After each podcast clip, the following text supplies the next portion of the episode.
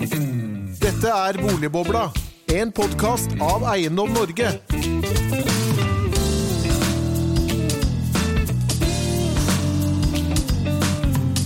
Hjertelig velkommen til en ny episode av Boligbobla, denne gang om ny regjering og boligpolitikk. For eh, sist uke, 14. oktober, fikk eh, Norge en ny regjering, utgått av eh, Arbeiderpartiet og Senterpartiet. Og vi har fått to nye ministre med stort ansvar for boligpolitikken. Bjørn Arild Gram fra Senterpartiet og Trygve Magnus Slagsvold Vedum, også fra Senterpartiet, som finansminister. hva betyr dette for boligpolitikken, og hva betyr det for boligmarkedet, spør vi.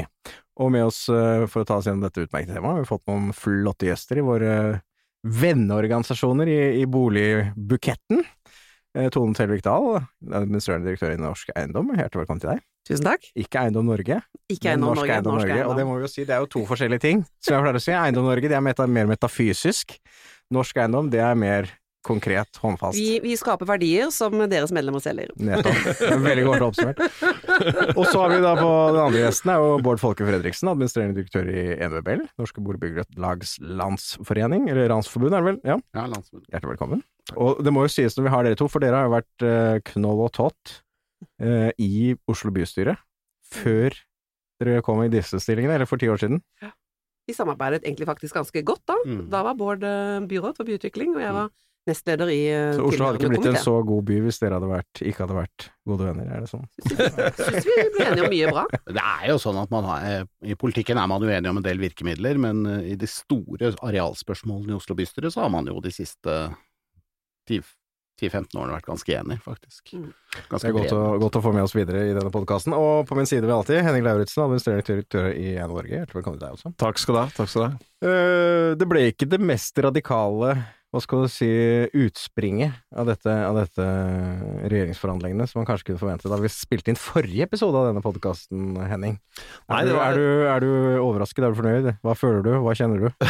Når nå Hurdalsplattformen Nei, ble lagt frem forrige onsdag. Hvis, hvis jeg skal si sånn i stort, så vil jeg jo si at uh, det, det, det ble jo et sånn ganske moderat, uh, moderat plattform, og eh, kanskje ikke de store skiftene i en del av de spørsmålene som har vært debattert i valgkampen, så, så sånn sett så, så blir det jo en fortsettelse av politikken. Og så har det jo kommet inn en del om eh, politikken utenfor byene, som vi ikke så tidligere, som, eh, som det jo blir spennende å se hva man tenker på. Distriktene som setter Regionvekstavtaler og de- bygdevekstavtaler osv., Mm. som jo er virkemidler vi ikke har i dag.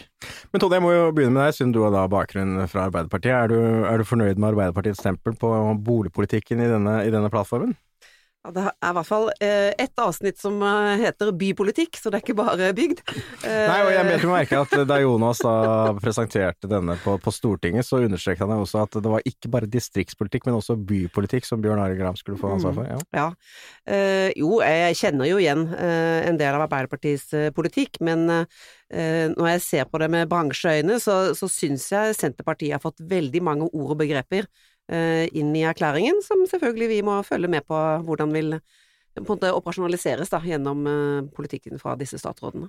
Men, men i historien store da, så, så, så sier jo regjeringen da i, i plattformen at flere skal eie sin egen bolig, de skal ha gode bomiljøer, det skal bygges flere boliger, og det skal være klimavennlig byggenæring. Altså, Ja, det går ikke an å ikke være uenig i det. Alle er enig i det. Dette sa vel egentlig forrige regjering Eller også. ikke være enig, tenkte du på? Ja, ja enten eller. Men jeg syns det er noe som er interessant med akkurat eh, to av de formuleringene, Erik, du viste til nå. Nettopp den at vi vil at flere skal få mulighet til å eie egen bolig, og at eh, legge til rette for å bygge flere boliger. Og det, ja, Det har kanskje ikke stått før. det har kanskje ikke stått så operasjonelt før. Det kan mm. faktisk telles.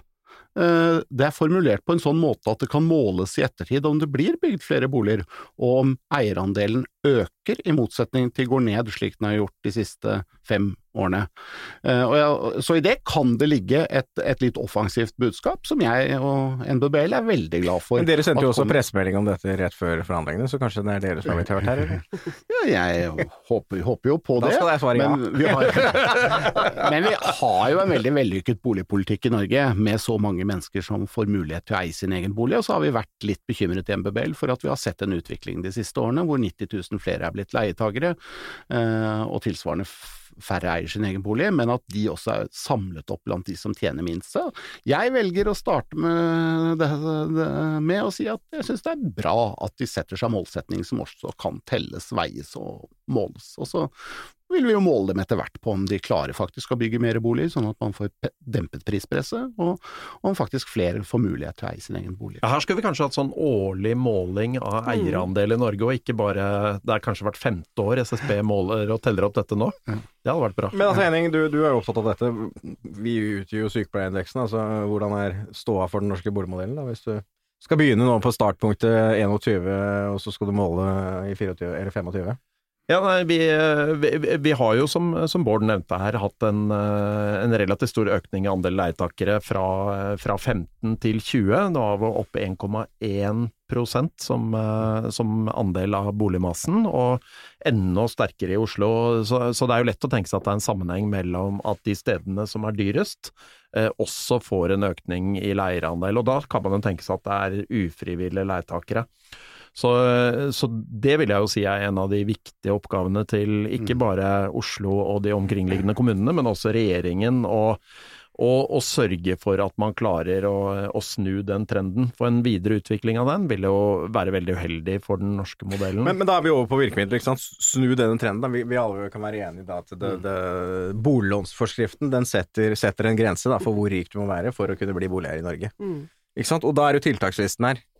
Dere skulle jo ha startlån, dere var tilhengere av startlån, dere i vel nå plutselig. Men det er jo ikke spor av noe startlån her, i hvert fall ikke konkrete formuleringer i Det er ikke plutselig at MBBL er blitt tilhenger av det, det er en erkjennelse av at uh, boliglånsforskriften er et nødvendig onde. Uh, det, vi må ha en boliglånsforskrift, tror vi, når renta er så lav som nå, for å dempe prispresset kreditt kan gi. Uh, vi kunne gjerne sett også på om om egenkapitalskravet til førstegangsetablerere kunne vært mindre, f.eks. 10 istedenfor 15 Men det er, en, det er, en, dyp erkjennelse at det er noen sosiale skjevheter ved en boliglånsforskrift som gjør at man må ha spart kanskje 400, 400 000 for å komme seg inn på boligmarkedet. Eh, vi kan ikke ha en boligpolitikk som tar utgangspunkt at man har foreldre som kan dekke egenkapitalkravet. Men når du står da fra, fra, hva som var lovnaden i valgkampen til det som er blitt formuleringen her, da, så, så er det jo litt, litt, mer tannløst, eller hva skal du si, vurdere å se på, som er sånn Arbeiderpartiformulering, ja, eller Tone? Det var veldig lite konkret, så selv om du sier at veldig mange på en måte av lovnadene på overordnet nivå, de er jo gjenkjennbare fra den avgåtte regjeringen til denne. Men det er fortsatt veldig lite konkret på hvilke tiltak vi skal ta i bruk. Ja, de skal samarbeide med næringen, uh, man skal bygge mer klimavennlig, men prøve å holde byggekosten nede. Ikke sant? Det men det er jo bra, da, at de faktisk skriver ja, det. det... Og, og det, så jeg mm. tolker veldig mye her, selv om det er mye vurdere og så videre, mm. så tolker jeg det veldig positivt at mm. de faktisk inviterer næringen inn Eh, til møtebordet og diskusjonsbordet for å se hvilke tiltak og hvilke virkemidler er det som vil faktisk realisere de målene de har satt seg. Eh, for vi er jo enige i de overordnede målene. Mm. Det skal bygges mer, det skal være klimavennlig, vi skal ha mer sirkulær økonomi, flere skal kunne eie egen bolig, og det skal være flere veier inn eh, i boligmarkedet enn måte, den tradisjonelle enten eh, leie hos kommunen først til du eventuelt får, får kjøpt, eller kjøpe egen bolig eh, direkte i, i, markedet. Så det er veldig mye bra her, og så blir det spennende å se hvilken minister som tar lead mm. eh, på disse samtalene med med, med, bransjen. Jeg håper i hvert fall at Gram, da, som jo tross alt har bakgrunn fra, fra kommunesektoren og vært ordfører og på en måte sittet med planansvar som øverste politiske myndighet uh, i en kommune, uh, på en måte har god og lang erfaring med å snakke med utbyggere uh, på den måten. Sånn at når Bård og jeg ber om, og andre ber om, om møte for å snakke om boligvirkemidler, så er han, han godt skodd for den samtalen. Men altså, de har jo sagt de skal, de skal, de skal sende en boligmelding til, til, Stortinget og gjennomgå alle virkemidlene i boligpolitikken. Det er jo musikk i våre ører, ikke det? Alle som sitter rundt dette bordet. jeg syns det er eh, bra, og jeg syns ikke det er noe overraskende at en regjering, uansett hvilken regjering det er, mener det. Det som kanskje er litt mer krevende, er at da vet vi at eh, det tar minst to år internt i departementet å, å utvikle en, en, mm. en, boligmelding, så spørsmålet er hva som skjer frem til det. Men jeg er veldig enig med Tone at jeg syns vi skal møte enhver regjering med, med, egentlig en positiv approach for, for samarbeid. Og, og, jeg tenker også det at Eh, vi har en eh, boligminister nå som faktisk har kommunalpolitisk erfaring og KS-erfaring, er positivt. Mm. For en del av det jeg mener må være en erkjennelse, er at faktisk er kommunene den viktigste myndighetsaktøren når det gjelder vilkår for økt boligbygging. Mm. Og det er å ha en planreserve som er mulig å realisere når behov og etterspørsel er der. Det hjelper ikke å, å styre fra departementets side hvis ikke kommunene regulerer mer enn nok byggeklare tomter. Henning, er du, er du positiv til en boligmelding? Ja, ja, vi, er departementet i gang? Eh, det, det, er det nok ikke, men, men, jeg og vi er veldig positive til en, til en boligmelding. og sånn, sånn, at det har vært blant de tingene vi både ba om på forhånd og, og heid på nå i ettertid. Eh, og så syns jeg jo at eh, det, det, ligger mye bra i regjeringserklæringen rundt dette som har med boligbygging å gjøre, f.eks. Så, så har man jo eh, altså ting som går på eh, forbedre systemet, effektivitere systemet osv., så, videre, så må man være veldig konkrete. Og, og, så er den jo som, som en regjeringserklæring flest, at den, den veksler mellom det ekstremt konkrete eh, og over til til det som kanskje rommer det meste, egentlig. Og det, det gjør det jo at det er, det er litt sånn morsom tolkning når man skal inn og se på se det. Men jeg er for så vidt også utga positiv i utgangspunktet. Og så er jeg jo litt glad for at en, en, del av de tiltakene man diskuterte i valgkampen, som jeg kanskje ser på som en sånn form for Eh, lindring av de problemene kombinasjonen av for lite bygging og en streng boliglånsforskrift har skapt, de har man i hvert fall ikke videreført sånn Den tredje boligsektoren, den er forsvunnet, altså selv om den var jo nevnt i, i Arbeiderpartiets program? Ja, i hvert fall Det, det kan godt være at det, at, at det, går an å tolke det sånn delvis inn under noen runde formuleringer, men, men, eh, som sånne spesifikke punkter så er det fullstendig borte. Og, og jeg, jeg, ser jo kanskje på det i Hvis man skal se på det litt i stort, så er det, det er mer et sånn forsøk på å reparere de feilene som skjer når det er bygd for lite og man har en streng boliglånsforskrift. Jeg har liten tro på det som noe som løser de store problemene på, der, de mest, komme inn på markedet. De mest radikale tiltakene som vi diskuterte i forrige episode av denne podkasten, som var jo da den tredje boligsektoren i og for seg, men også den eh, endringen av plan- og bygningsloven, det er jo ikke til stede i denne dette dokumentet? Det, det, ingen av de tingene er jo nevnt spesifikt, eh, og så kan man jo forsøke å tolke det på forskjellige måter, men, eh, men jeg tolker det i hvert fall som, som, man har kommet til at dette er ikke et sånn hovedspor som, eh, som det er aktuelt å skulle forfølge som det. Mm. Men, ja, men det er jo, ikke sant, det er litt hvordan man leser, uh, tror jeg. Uh, for de snakker jo om leiesektoren, at de ønsker å profesjonalisere den, hvis du leser nøye. Det syns iallfall vi i Norsk Eiendom er viktig, fordi når, når, man først leier, da, mm. og, det jo, og det er jo mange som aktivt velger det, men da er det viktig at man møter en profesjonell boligutleiesektor den er jo i dag først og fremst drevet frem av eh, private, såkalte uprofesjonelle. Ikke nødvendigvis useriøse, men det er en del av de også. Eh, så det å rydde opp i regelverket knyttet til leiesektoren, det, det er jo en del på en måte av veien inn i ja, en slags tredje boligsektor over til, til eie etter hvert. Så jeg leser i hvert fall det inn der. Og det at Husbanken også skal få flere virkemidler og få et større samfunnsansvar til at flere kan få lov å eie, det leser jeg også inn i den gamle overskriften tredje boligsektor, selv om de som regjering ikke bruker det som begrep.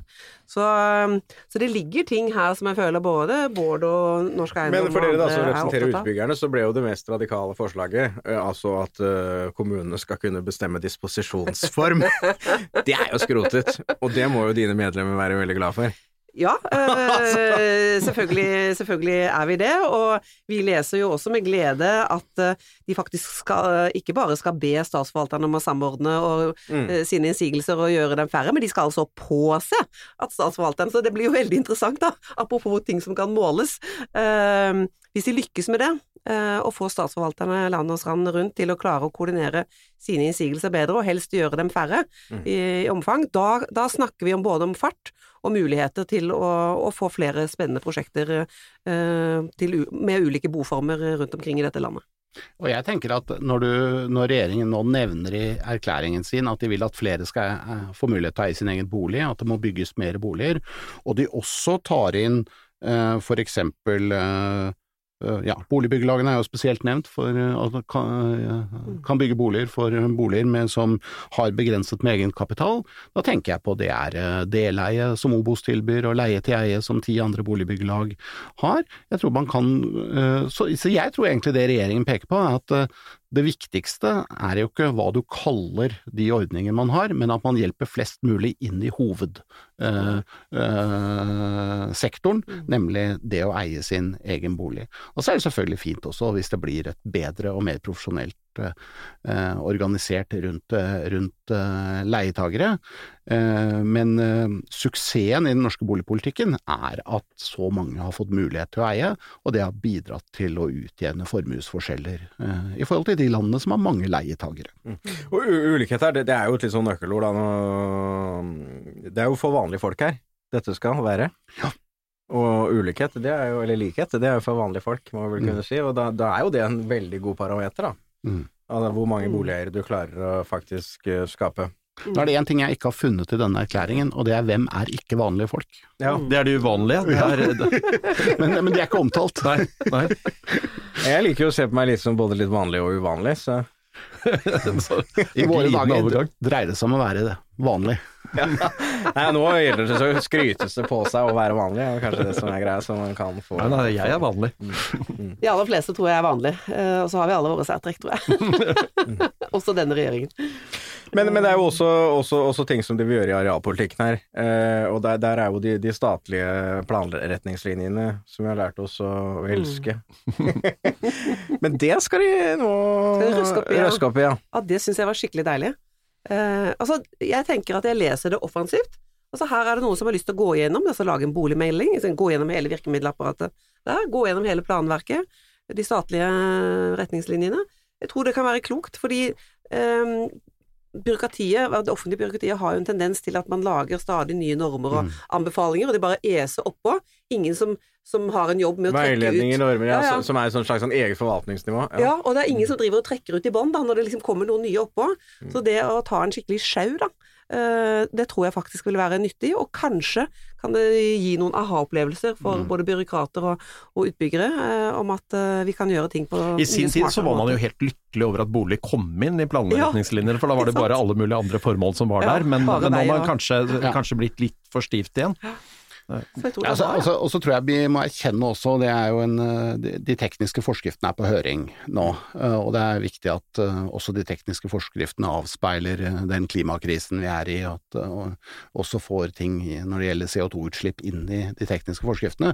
Men problemet som Tone beskriver er jo at de kommer jo da på toppen av alle andre krav og forventninger eh, hele tiden, og det får, ingenting tas ut. Så dette er jo en anledning nå til å også faktisk Der må jo faktisk gjennomgå- Jan Tore Sanner få litt kudos, da, for var den første som faktisk dro ned litt grann på de Ja. tekniske forskriftene i Eh, 2017. Første minister i Norges historie, Ever. eh, rett og slett. Altså. Men, men jeg tror tiden er inne for å se på noen igjen, fordi vi kan ikke eh, legge skjul på at produksjonskostnadene av bolig f.eks. er en del av det kostnadsbildet både førstegangsetablerere og nyskilte møter når de eh, skal prøve å, å etablere seg eh, på nytt.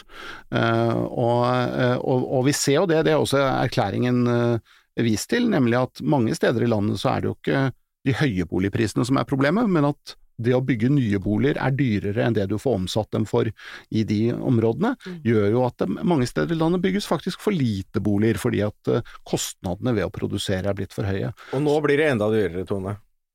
Ja, i en overgangsperiode, og det er derfor vi ønsker også, og ser egentlig positivt på, at de vil nok en gang eh, invitere næringen inn til å diskutere eh, innretningen på avgifter med mer, for, å for å sikre da, at disse klimakravene ikke ødelegger for den økonomiske bærekraften i prosjektet. De vil jo, som de skriver, holde byggekostnadene så lave som mulig, eh, men da må vi ha endringer på en del avgifter.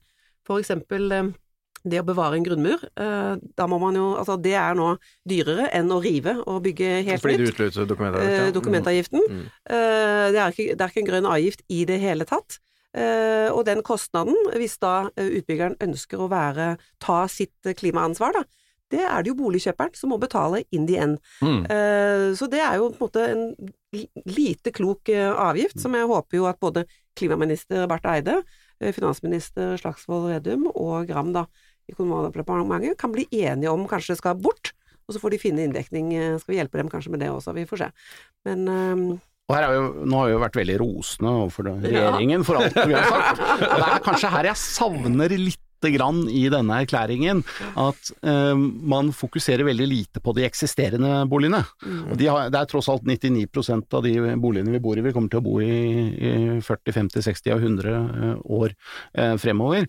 Eh, og her kunne jeg nok tenkt meg noe mer forpliktende formuleringer for hva, hva som skal til, også for å løfte de eksisterende boligene til grønne bygg, eh, mer energieffektive bygg, bygg, og eh, hvordan man kunne utløse den kraften som ligger i den norske eierlinjen til å investere og gjøre grønne valg. Eh, Enova er én ting som Det Enova har man jo klagd over i årevis. Hvorfor er- skjer det ingenting der? Det tror jeg er fordi man syns det er mye hyggeligere å behandle én søknad på 1,8 milliarder fra et stort norsk industrikonsern enn å behandle titusenvis av søknader fra borettslag og sameier, ennå det er det man har, Digitalisering gir muligheter hvis de gidder det. opprettet uh, ordningen for. Nei, jeg må si eh, Jeg fikk altså 5000 kroner fra, fra Enova for et par år siden, da siste året de hadde den, eh, den eh, varmepumpeløsningen. Det var veldig smooth sånn teknisk, altså. Ja. Det var sånn to dager på etter, så fikk jeg 5000 kroner på konto. Ja, vi, vi, vi er nå et borettslag som har gjort en betydelig bergvarmeinvestering, eh, og de var også veldig fornøyd fordi de fikk eh, 128 000 kroner i støtte, men det var altså 0,5% av investeringen som borettslaget gjør. Mm. Dette er jo et borettslag som har betalt inn atskillige millioner til Enova-fondet Men år. Men du, du sier at problemet med, med Enova, det er litt sånn som Statnett. Altså de, de er opptatt av alt annet enn forbrukerne. Ja, jeg tror eh, altså, altså, Bare for å si det, jeg mener jo at Enova gjør en viktig jobb når det gjelder teknologi og bekjempelse av klimautslipp, som jeg, som jeg selvfølgelig ikke på noen måte mener de ikke skal gjøre. Men man har eh, samler inn 400 millioner kroner fra husholdningen hvert eneste år, og til tross for nye krav fra regjeringen klarer, eh, klarer de altså ikke å utbetale til husholdningene noe i nærheten i støtte til energieffektivisering. Eh, og, eh, og de nedlegger ordninger for bygg og anlegg. Eh, Og, og vil konsentrere seg om helt andre ting. Og dette sier jeg eh, ikke fordi at eh, for å være slem, men fordi at jeg mener at det rett og slett er noen lavthengende frukt der ute. Du kan, hva, hva skal til for å få vanlige folk til å engasjere seg i det grønne skiftet? Jo, det må være lønnsomt å foreta grønne valg. Og det å etterisolere, det å bytte vinduer, det å legge sol på taket Men nå, nå får man jo hjelp av veldig høye strømpriser, da, så nå blir det kanskje ja, ja. lønnsomt Jo, men det hadde jo hjulpet hvis. Enova hadde noen støtteordninger som, eh, som, som smørte dette, og det vi jo har sett nå etter det oppdragsbrevet som Enova fikk for inneværende år, som jo på en måte virkelig stengte byggebransjen ute for, fra en del eh, virkemidler hos dem, er jo at eh, de hit, eller per nå så ser de på seg selv som en som skal være i startfasen av ny teknologi, og ikke den som er med over i mer liksom øh, øh, kapasitetsøkning, eller liksom kvantitetsveksten da, på Mm. produktet som man har vært med å utvikle eller legge til rette for. Men akkurat nå, når vi står i det grønne skiftet, det er jo nå på en måte motivasjonen, opplever jeg da, øh, både hos boligbeboere eh, og hos byggebransjen, det er jo å gjøre de rette valgene nå, og da trenger vi fortsatt den, eh, den gulroten da, som lå hos Enova før. Men, men er gulroten for å sparke ting i gang, eller er det for å, for å på en måte ha en evig, evig strøm inn for å trenger ikke ha en evig strøm, men man trenger hjelp i denne overgangsfasen. Og så For å holde jeg- byggekostnadene nede, Og så så- må man hjelpe utbyggere og in the end boligkjøperen til å holde de byggekostnadene nede, men at må- man får grønne løsninger likevel. må ha gulrøtter for et borettslagsstyre, et sameiestyre, som skal få flertall for å gjøre en ganske betydelig oppgradering av boligen, kanskje 300 000-500 000 kroner i et lån på en bolig du allerede har kjøpt. Og da er det å få en gulrot med noe støtte fra penger man selv har innbetalt, da, uh, uh, syns jeg en, en veldig fin gulrot som motiverer til grønne, grønne valg. Eh, og jeg må nok si at, eh, som Erik sier, altså det har, har, har, ikke, har ikke mast om dette i årevis. Jo, vi har gjort det. Eh, og jeg tror at eh, man bør passe på at ikke ordningen, sånne ordninger som de avgiftene vi betaler på energi, faktisk mister sin legitimitet, for nå er tilliten svært brutt mellom norske boligeiere og eh, Enova. Og med de strømprisene man ser nå, så begynner kanskje folk å bli mer sånn bevisst på hva som står på strømregning avgift. Jeg tror det. Altså, Nå får vi jo push-varselet på når strømmen er ja, ja, ja, nå, nå fikk jeg beskjed om at jeg nå klokken ti burde sette på tørketrommelen, ikke klokken ni. Jo, og, og, men det er jo et kjempegodt poeng, fordi at altså, hadde man investert mer i energieffektivisering, sånn som vi ser i andre land som har stø, høye strømpriser, Som er faktisk gjør, også, ja. Mm. så, så, så hadde jo også husholdningene vært mindre sårbare for de prisendringene man får av eh, lite regn og lite vind. Eh, og særlig når de to tingene skjer samtidig. Da. Det er jo det, er det som er it's a gjør perfect storm. Ja. Men Henning, det er jo ikke bare Vi må jo snakke litt om elefanten i rommet, for det er jo boligbeskatningen. Ja. Det, det er jo, jeg skal ikke si vår viktigste sak, men det er noe vi er opptatt av. Ja, For vi er ikke redd for å snakke om det, men nå, nå skjer det jo ting på statsbudsjettet. Ja. Eh, og det, det står ting i, i, i, i Hurdalsplattformen om et nytt eh, ligningsverdisystem. Ja. Samtidig så har det utgått en regjering nå foreslått å heve ligningsverdien, altså heve rabatten på, eller redusere rabatten på såkalte dyre boliger. Nei, det, er- altså der, der veldig mange er tause rundt skatt, så, så skravler og babler vi rett og slett i vei. Og vi, vi har jo eh, ønsket en skattereform innenfor boligområdet. Vi å, har ønsket å få bort hele dokumentavgiften. Vi har ønsket å få bort den kommunale eiendomsskatten. Og så har vi ønsket å ta det inn igjen ved å få full verdsettelse av primærboligen. Og, og det vil jo blant annet være noe som eh, vil komme unge til gode i boligmarkedet, ved at man får en litt annen profil på, på beskatningen. Og, og hindre eh, flytteskatt osv. Men, men eh, en av de tingene som jo kom inn i regjeringsplattformen, eh, det, det var jo sånn sett eh, interessant. Og det, det var et forslag som ble gjentatt, beklager, i statsbudsjettet, det var forslaget fra i fjor om at man skulle heve eh, eller redusere verdsettelsesrabatten på primærbolig fra 25 til 50 For de boligene med ligningsverdi over For de ligningsverdi over 15 millioner kroner. Og eh, vi syns ikke noe særlig om det forslaget i fjor. Eh, Vi syns Det er jo ganske enkelt et elendig forslag, for du drar jo ikke inn noe særlig av det. Nei, vi- det er bare symbolpolitikk. vi syns heller ikke så veldig mye om det i år, egentlig, for vi mener at det er jo selve, selve altså beregningen av verdiene man bør gjøre noe med, for det er der feilen egentlig ligger. Man får helt feil verdsettelse på mange boliger, og blant de dyre boligene så kan det være veldig store avvik. Og det er jo det som er problemet, eller hva skal si, verdsettsproblemet. Det er jo formuesskattediskusjonen egentlig i seg selv også. Det, det er eh, hele formuesskattediskusjonen egentlig også, og, og, og bolig er kanskje blant de tingene hvor, hvor verdsettelsen blir mest feil, egentlig. Så, så da man nå i regjeringsplattformen eh, i hvert fall har skrevet noe som vi velger å tolke som at man skal eh, lage, se på hele verdsettelsessystemet, så ser vi på det som veldig positivt. For da, da tror vi at man kan oppnå en beskatning som blir mer rettferdig boligeierne imellom. Og så, så får vi jo se hvor formuesskattenivået ender med, med regjeringen nå, men, eh, men det å få en riktig verdsettelse på plass, det vil være kjempeviktig. Og, og samtidig så kom det jo også nå øh, for øh, halvannen uke siden et, nytt, for et forslag til et nytt uh, ligningsverdisystem på fritidsbolig, som er jo nettopp det moderne systemet. Ja, da har man jo et nytt område hvor det er veldig tilfeldig, altså har veldig stor betydning når fritidsboligen er bygget f.eks., ikke så mye hvor den ligger, eh, for hvilken, eh, hvilket formuesskattegrunnlag du da får. Og eh, her skal man også se på et nytt system. Og så vet vi at eh, vi, vi har jo mange systemer her i Norge, vi har jo også mange kommuner med kommunal eiendomsskatt.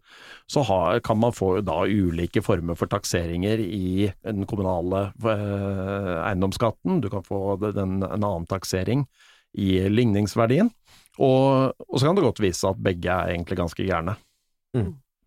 Men du, dine medlemmer skal også tas for de sekundærbolig, de skal også få høyere formuesbeskatning ifølge den utgående regjeringen. Helt riktig. Eh, Nå mener jo Norsk Eiendom at det der eh, var klokt å ha høyere egenkapitalkrav til sekundærboliger, og det virker i hvert fall i Oslo.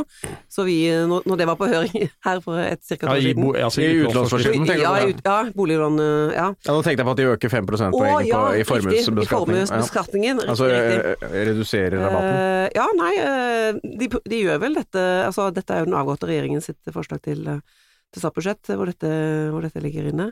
Eh, vi kommer jo til å følge litt med, da, eh, hva den nye regjeringen eh, gjør.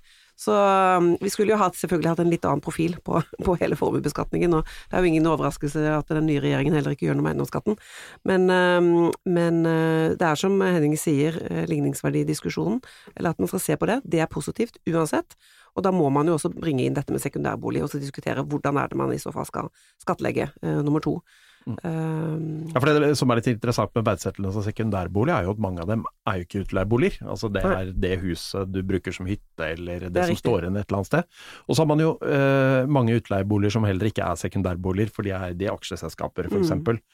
Sånn at uh, her, her kan man få et litt sånn interessant system hvor ulike typer utleieboliger Mm. eh, får en helt ulik verdsettelse. Men jeg tror, jeg, tror, jeg tror vi må erkjenne at da, det, det har vært riktig de siste åtte årene å behandle sekundærbolig annerledes skattemessig Det er jo helt åpenbart, for nå hadde jo altfor stor er- var jo i rabatt ferd med, ja, det må jeg bare få lov å si, altså man var jo i ferd med å miste legitimiteten til at vi har et skattesystem som oppfordrer folk til å eie sin egen bolig, og gi folk en sjanse til å eie sin egen bolig, ved at man altså fikk ikke, ikke betalt annerledes skatt for bolig nummer to, tre, fire Mm. og videre. Man plutselig fikk eh, kjempeinsentiver til å kjøpe bolig for så å leie ut, Mm. Eh, og det tror jeg ikke var meningen. Så jeg tror det har vært bra at man har fjernet dette, Mm. og konsentrerer eh, skattevelviljen om primærbolig, som gir folk en mulighet til å eie Det er sin jo helt egen åpenbart, bolig. men det du gjør nå i forslaget til statsbudsjett nå, er jo det at du, du, du skiller eh, andre finansielle investeringer fra sekundærbolig og beskatter det hardere i Altså formuesbeskatning. Ligger sekundærbolig i et aksjeselskap, så får de en annen beskatning om de eies direkte osv. Altså det, er- det jeg kanskje savner, er litt sånn prinsipiell tilnærming til dette. Mm. Ja, og det andre er jo det at uh, man sier man er opptatt av leiemarkedet her, så er jo dette også en del av dynamikken i, i leiemarkedet, hvordan dette beskattes. Men her har man kanskje da en mulighet da, til å snakke med den nye finansministeren og høre er dette egentlig et eh, godt nok grep i Mm. forhold til det dere skriver i Hurdalserklæringen knytta til utleiesiden og ambisjonen om at flere skal kunne eie egen bolig. Så da vil jeg i hvert fall forhåpentligvis ha noe å tenke på. Jo da, så tror jeg en sånn en virkning av at man eh, altså reduserer formuesrabatten til nesten ingenting på, på sekundærbolig, vil jo kunne føre til en eh, altså at noen færre investerer i sekundærbolig, og at det sånn sett blir et noe større marked Mm. for profesjonelle utleiere. For det er jo klart, det er, det er der du kan se den forskjellen. Det er ved, konkurransemessig så vil dette være en liten vridning i favør av profesjonelle utleiere. mm. Og det syns vi er positivt. Jeg tenker også at man skal være uh, Man kan mene mye om skatt og boliger, og der har man kanskje andre meninger enn uh, Og kan være uenig også internt i organisasjonen og sånne ting. Men jeg syns det viktigste er at man husker på at vi pleier å si at vi skal beskatte mer det vi vil ha mindre av, og mindre det vi vil ha mer av. Så de skattegrepene man gjør på bolig, må i hvert fall ikke legge opp til at det blir mindre interessant å bygge flere boliger. Mm. Ikke bli mindre interessant å investere Men der er jo boliger sekundærboliginvesteringer ganske vesentlig, da. Så jeg tror ikke det er en eneste utbygger som jeg har hørt om som ikke vektlegger, hva skal du si, boligspekulantenes rolle i å få i gang prosjektene sine. I hvert fall i byen, da. I hvert fall i byen, ja. Mm. Men la det i hvert fall være sånn at uh, ikke ha et skattesystem som sørger for at man bygger mindre boliger enn det det er behov for, Mm. og fjerne de flaskehalsene som gjør det, enten det er på det kommunale systemet eller i det statlige systemet. Og Derfor tror jeg faktisk det har vært lurt å endre formuesvurderingene av sekundærbolig, og konsentrere insentivene for uh, boligbygging og det er i sin egen bolig til primærboligen. Uh, og det er mulig å, mulig å forsvare. Er det, er, det, burde det vært noen insentiver for eh, Altså eh, flere insentiver for kommunene til å, eh, til å sørge for boligbygging i pressområder? Er det noe som mangler på det området? For man kan, man kan jo av og til undre, når man jo vet at for kommunene så er det i hvert fall i det lange løp lønnsomt med nye innbyggere, stort sett. Eh, og så kan man jo mistenke noen kommuner for ikke være så veldig ivrige for å tilrettelegge for det. Nei, jeg, jeg mener faktisk at du er inne på et veldig godt poeng.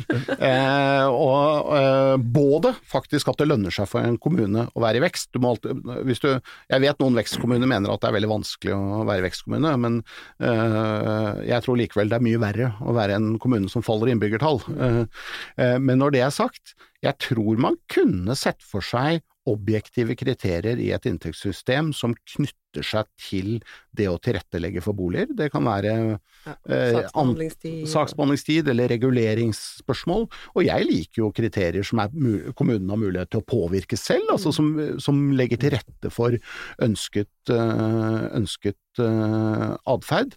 Eh, og jeg syns nok vi ser noen eksempler nå eh, på at noen kommuner faktisk ikke behandler detaljreguleringsplaner til tross for at de overordnede planene er på plass, fordi de selv sier at nei, vi mangler skolekapasitet, som vi har hørt om i Ski Ja. eh, og andre steder. Og det blir helt feil når man har bygd en jernbane for 40 milliarder eh, til Ski. Eh, De burde så- ikke fått den.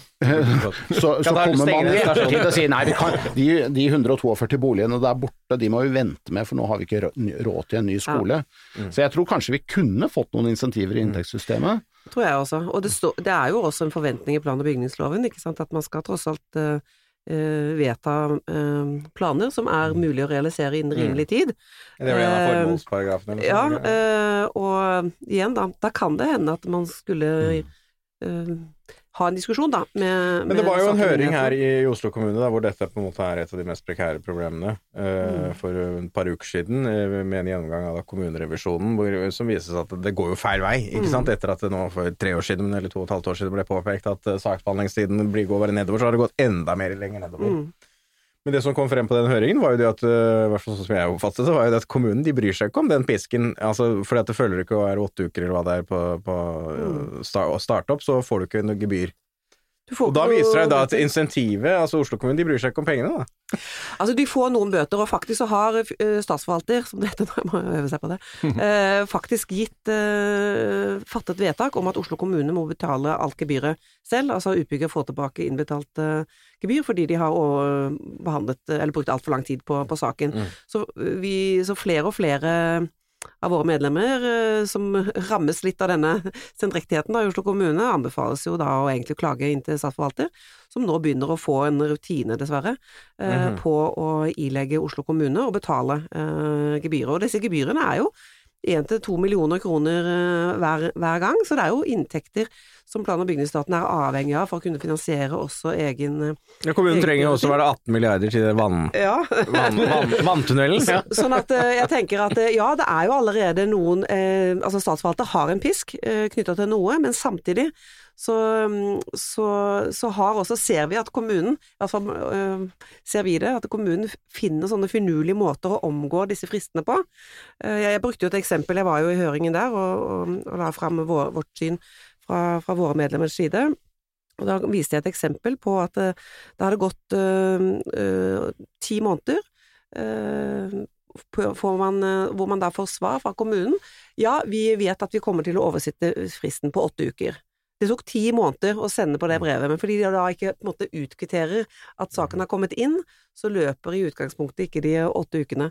Uh, Ja, så de sånn- tilpasser seg på en måte regelverket i sin, sin favør, ja. Og så mangler det et vedlegg, og altså, det, er, det er ikke bare anekdoter, det er også faktiske eksempler uh, som gjør at eh, de prøver å vri seg litt unna, Uh, ikke setter fullstendig på søknaden, fordi de stadig kommer på, på nye ting.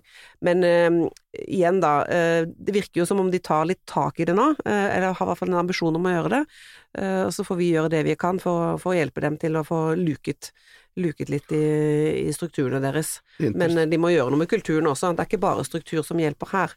Eh, Det er det ikke. Nei, jeg tror faktisk det er mer og mer eh, kultur Mm. og holdning til eh, saksbehandlingstider. Og jeg tror det er en manglende respekt for at eh, saksbehandlingstider, usikkerhet og uforutsigbarhet faktisk fører til økte kostnader, som boligkjøpere til slutt er de som betaler. Eh, når det er sagt, så er ikke dette bare et Oslo-problem. Fra MBBLs side har vi jo sammen med NMBU sett på kjøpekraften til eh, førstegangsetablerere, den typiske førstegangsetablerer, og vi ser jo at i en rekke kommuner som bare det siste året har hatt kraftig forverret eh, saksbehandlingstider, så er det nettopp de kommunene som eh, får et voldsomt fall i eh, kjøpekraften for førstegangsetablerere. Mm. Så i lengden får det fakt er det faktisk en sammenheng Mm. mellom lange saksbehandlingstider og manglende evne til å Mm. levere det boligtilbudet som det står folk klare med finansiering Mm. Og, det, og det, det, det, viser jo altså forskning fra Housing Lab også, som nå, nå Mm. kommer. Det er jo det at eh, der hvor det er veldig teite flaskehalser på, på boligbygging, så fluktuerer prisene opp Mm. og ned Ja, mye, mye mer. I tillegg til Oslo så har du altså Tr- Bodø og Tromsø, Mm. som går i en veldig negativ eh, retning når det gjelder boligpriser. eh, Og og, Bergen halser etter. Og, og, og, Men i Bodø så er det jo bygd masse boliger, så det, det er jo et veldig fascinerende eksempel. Mens Ja, i Bergen men nå- bygges det altfor lite, og de har, så, så, som planetaten der sier, send flere planer. Vi har masse kapasitet, men der er det ingen som vil sende Men jeg må, jeg må få lov til å si at det er én ting jeg nok også reagerer litt på med planetatene, fordi at det, det høres ut som de sitter og venter på at uh, søknadene skal bli behandlet. Og siden Tone og jeg da har en felles politisk fortid, eh, riktignok for hvert vårt parti i Oslo bystyre, så må jeg bare få lov å si at uh, hvis ikke Oslo kommune hadde tatt lead på Ensjø, Mm. så hadde det fortsatt vært uh, bruktbilbutikker der Mm. som dominerte. Det var jo ikke noe krav fra grunneierne at vi skulle De ville bygge, fortsatt bygge ha boliger. bilbutikker, ja. Ja, og, med, og, vi, og jeg som er så gammel at jeg husker at Norges varemesse lå på Sjølyst. Det var en, eh, jeg kan røpe det nå, det var en Det husker kamp, jeg også. Det var en kamp, er faktisk en kampvotering internt i Høyres bystyregruppe som avgjorde at ikke Norges varemesse fikk utvide på Sjølyst. Uh, og det var ramas, ramaskrik den gangen at de ikke fikk Mm. utvide, men tre måneder etterpå så hadde de kjøpt en tomt på Lillestrøm, og vops, så kunne man bygge Mm. hele Karenslyst allé-området, med alle de boligene og næringsutviklingen som har vært der nede. Og nå skal Lillestrøm eh, Spektrum utvikles rundt varemessen, så Ja. de får også mer Så det, kommunen kan ta lead på Mm. å peke ut hvilke områder som skal bygges, legge til rette, Mm. og så ha en rask, kjapp saksbehandling på detaljnivå, hvor utbyggerne kommer med sine, sine, Jeg skal ikke nevne kommunenavn, men i, i Oslo-regionen så har du jo kommuner som nærmest går ut og tar tak i utbyggerne og trekker dem med seg hjem til kommunen. Ja. Og som drar igjennom store prosjekter på ni måneder. Yes. Eh, Men jeg registrerer jo at det er mange utbyggere som også sier de, de ser ut av Oslo, fordi de Ja. ikke orker dette lenger. Og dette handler jo om turnover på kapitalen og risiko og, og, og denne type ting. Mange av våre medlemmer sier det, at de orker ikke. Eh, Det tar for lang tid, det er for usikkert. Mm. Eh, Politikerne ombestemmer seg i siste sving, eh, hvor det påløper store Mm. merkostnader i prosjektet, som ikke nødvendigvis gjør det regningssvarende. Det Mm. er store, ganske kraftfulle aktører som bare har trukket planforslaget sitt etter at plan- og bygningsetaten har sendt det til kommunal eller politisk behandling. For de sier at det, her er det ingen økonomisk bærekraft igjen. Mm. Men, men eh, her, er- her er det jo sånn at kommunene er utrolig viktige i disse spørsmålene, men hva, hva er det staten kan gjøre for å bidra og løse opp sånne floker? For dette er jo, altså nå snakker vi om utlånsforskriften for eksempel. Mm. Utlånsforskriften, jeg jeg er jo 100 sikker på at den hadde ikke vært så streng hvis vi ikke hadde hatt det eh, underskuddet på boliger i, i f.eks. pressområdene. Mm. Da, da hadde vi jo liksom løst eh, andre problemer også. Men hva er det staten kan gjøre? Hva er det man kunne, kunne funnet i en plattform som kan løse opp på dette? Jeg, jeg tror det er to ting, og jeg finner det ene, men jeg savner det andre. Eh, fordi det er kommunene som er den avgjørende myndigheten for å legge til rette for økt boligbygging. Men det er to ting staten kan og bør gjøre. Det ene er selvfølgelig det som står i plattformen, nemlig å forenkle plan- og bygningsloven og forskriftene, slik at dette kan gå fortere. Eh, Og faktisk at man baserer noe mer av planleggingen på tillit. Eh, Det er det ene. Det andre som jeg nok savner, det er digitalisering av planprosessen. Jeg må si at jeg tror det er én ting som er overmoden, så er det å klare å digitalisere planprosessen, akkurat slik ligningen og hele skattesystemet vårt ble Og digitalisert. jeg, må, jeg må si jeg var inne på Oslo kommune, for jeg skulle se om jeg kunne sende inn en sånn digital søknad. Der fikk jeg sånn PDF. Forenklet, søk. Forenklet søknad. Skriv ut denne PDF-en, send til uh, scan. Scan, ja. Og det er, jo, det er jo strøm til papir. Altså, jeg trodde hvis det var noen som hadde kommet langt på dette her, så burde det vært Oslo kommune som landets største. Men, det er det altså ikke. men det er faktisk en grunn til til at jeg mener digitalisering er veien, og det er at da må man også standardisere til en viss grad. Mm. Og det som er problemet med den norske plan- og bygningsloven, som i og for seg har et godt formål, nemlig å forsøke å se helhet, Det er 22 forskjellige ord på snø. Ja, men, men det er også sånn at Mm. vi er ikke engang enige om metodene som brukes. For eksempel så er utnyttelsesgrad Mm. åpen for mange forskjellige måter å beregne utnyttelsesgraden på. La det kommunale selvstyret handle om hvilken utnyttelsesgrad man skal ha, hva, hva slags formål som skal være på tomtene, men ikke la det være opp til hver enkelt kommune å bestemme hva slags utnyttelses, hvordan man skal regne utnyttelsesgraden. Jeg tror man trenger litt standardisering, ikke i politikk, men i metoder, og en digitalisering som kunne gjøre planprosessene smoothere og enklere. Eh, og her har jo, vet vi at Sverige har kommet eh, langt, og har faktisk over 1200 felles begreper for sitt plans plansystem. Det er vi helt enige. Og nå når alle disse nye klimakravene også kommer, som skal liksom inn og dokumenteres Mm. i en plansak, som kan jo gjøre det mer ressurskrevende selvfølgelig for utbygger å gjøre alt det de skal, men også for eh, mottaker til å lese gjennom dette. Digitalisering her, med åpne, tilgjengelige standarder for klimagassregnskap med mer, sånn som de har blant annet i, i Danmark. Der ligger det regnearket eller det verktøyet digitalisert eh, åpent og gratis for alle. Alle kommunene får det måte, samme skjemaet inn, de kan spesialisere seg på å lese dette. Da går det mye raskere. Um, så det er jeg enig med deg i. Det, det savner vi. Så digitaliseringsministeren er jeg faktisk litt usikker på hvem er, men det ligger vel kanskje Det fortsatt er, digitalisering er vel fortsatt uh, blitt der hvor det ble, Ja. var, tror jeg. Jeg tror det er viktig å huske at Norge er på en måte et høykostland, og skal vi konkurrere Mm. godt, så må vi jobbe smartere Mm. og bedre, og faktisk også bruke, komme enda lenger i digitalisering, selv om vi er ganske langt fremme i forhold til eh, mange andre Og land. byg, byggekost på 40 000 kroner eh, kvadratmeteren tallet er ikke spesielt eh, gunstig da. Nei, og jeg tror faktisk at det er- mye å effektivisere i planprosessen hvis man vil, men da må man i dette tilfellet faktisk starte med staten, for det er de som eier plan- og bygningsloven, det er de som eier forskriftsverket, og det er de som faktisk må investere i en, i en digitalisering, slik at kommunene kan nyttiggjøre seg og ta ut effektene av dette. Men Bjørn Arild Gram, hvis når du hører på nå, dette var til deg. Men vi må gå inn for landing, tiden går jo altfor fort selvfølgelig når vi sitter her. Eh, Men vi har jo alltid en fast spalte til våre gjester, og det er jo din første bolig. Hva, hva kjente du, hva følte du, hva betalte du, kan du også si. Eh, Tone, din første bolig? Som jeg eide. Ja, Man I og med at vi er opptatt av den norske ja. boligmodellen, så Den, eh, den kostet, tror jeg, 950 000. Det var en eh, treroms på Torshov. Uh, og hva Dette var på tjente 90-tallet? Dette var på 90-tallet, dette var i 1998. Uh, og hva tjente jeg da? Da var jeg såkalt førstekonsulent på Universitetet i Oslo. Jeg husker faktisk ikke hva jeg tjente da, jeg. 400 000 Gud, jeg husker... Du ble boende der noen år, da? Ja. Uh, ja, vi bodde der uh, i noen år, og solgte den. Vi kjøpte den for 950, solgte den for 2,1. Å, la, la. Um, I Hvor mange år etter var det? Det var ni år etter. Mm. Mm. Hvor du har vært der før, din, så det må jo nesten bli din andre bolig? Jeg håper jeg nå husker Jeg håper jeg, jeg, håper jeg husker riktig. Nei, vet du hva, jeg, og jeg, men den, den boligen jeg kommer til å nevne, var den første jeg eh, eide. Men grunnen til at jeg nevner den, er at jeg er så gammel at jeg husker at eiendomsprisen ikke nødvendigvis bare går opp. Ah, Jeg kjøpte nemlig i eh, 1988 en eh, leilighet på Kalbakken i Kristoffer Hellums vei, eh, Obos. Og jeg tenkte at eh, jeg nå hadde gjort noe veldig lurt. Eh, og du var ordentlig tidlig ute. ja, eh, det var bare det at eh, det ble slutt med hun, eh, den kjæresten jeg hadde da. Eh, Så det, og det var ikke et prosjekt hvor man kunne til 491 000, eller hva det var den gangen, eh, klare det alene. Så jeg solgte den boligen og, og Dere delte gjeld. og dro i militærtjenesten. Men heldigvis solgte jeg før krakket virkelig kom. Oh, la, la. Jeg tapte 25 000, tror jeg, men uh, den boligen tok det jo mange Det tok år da- før to, ble Mm. passerte 491 000 igjen. Og jeg har venner For det der må jo ha vært omtrent toppen, ja. da. jeg har venner som faktisk uh, satt med, med gjeld og ikke bolig, og både kjøpte og solgte på et eh, uheldig tidspunkt. Så når man kjøper Det var jo mange som delte gjeld når de Ja. skilte seg i den perioden. Mm. ja, Det var veldig inne å skille seg på den tiden også.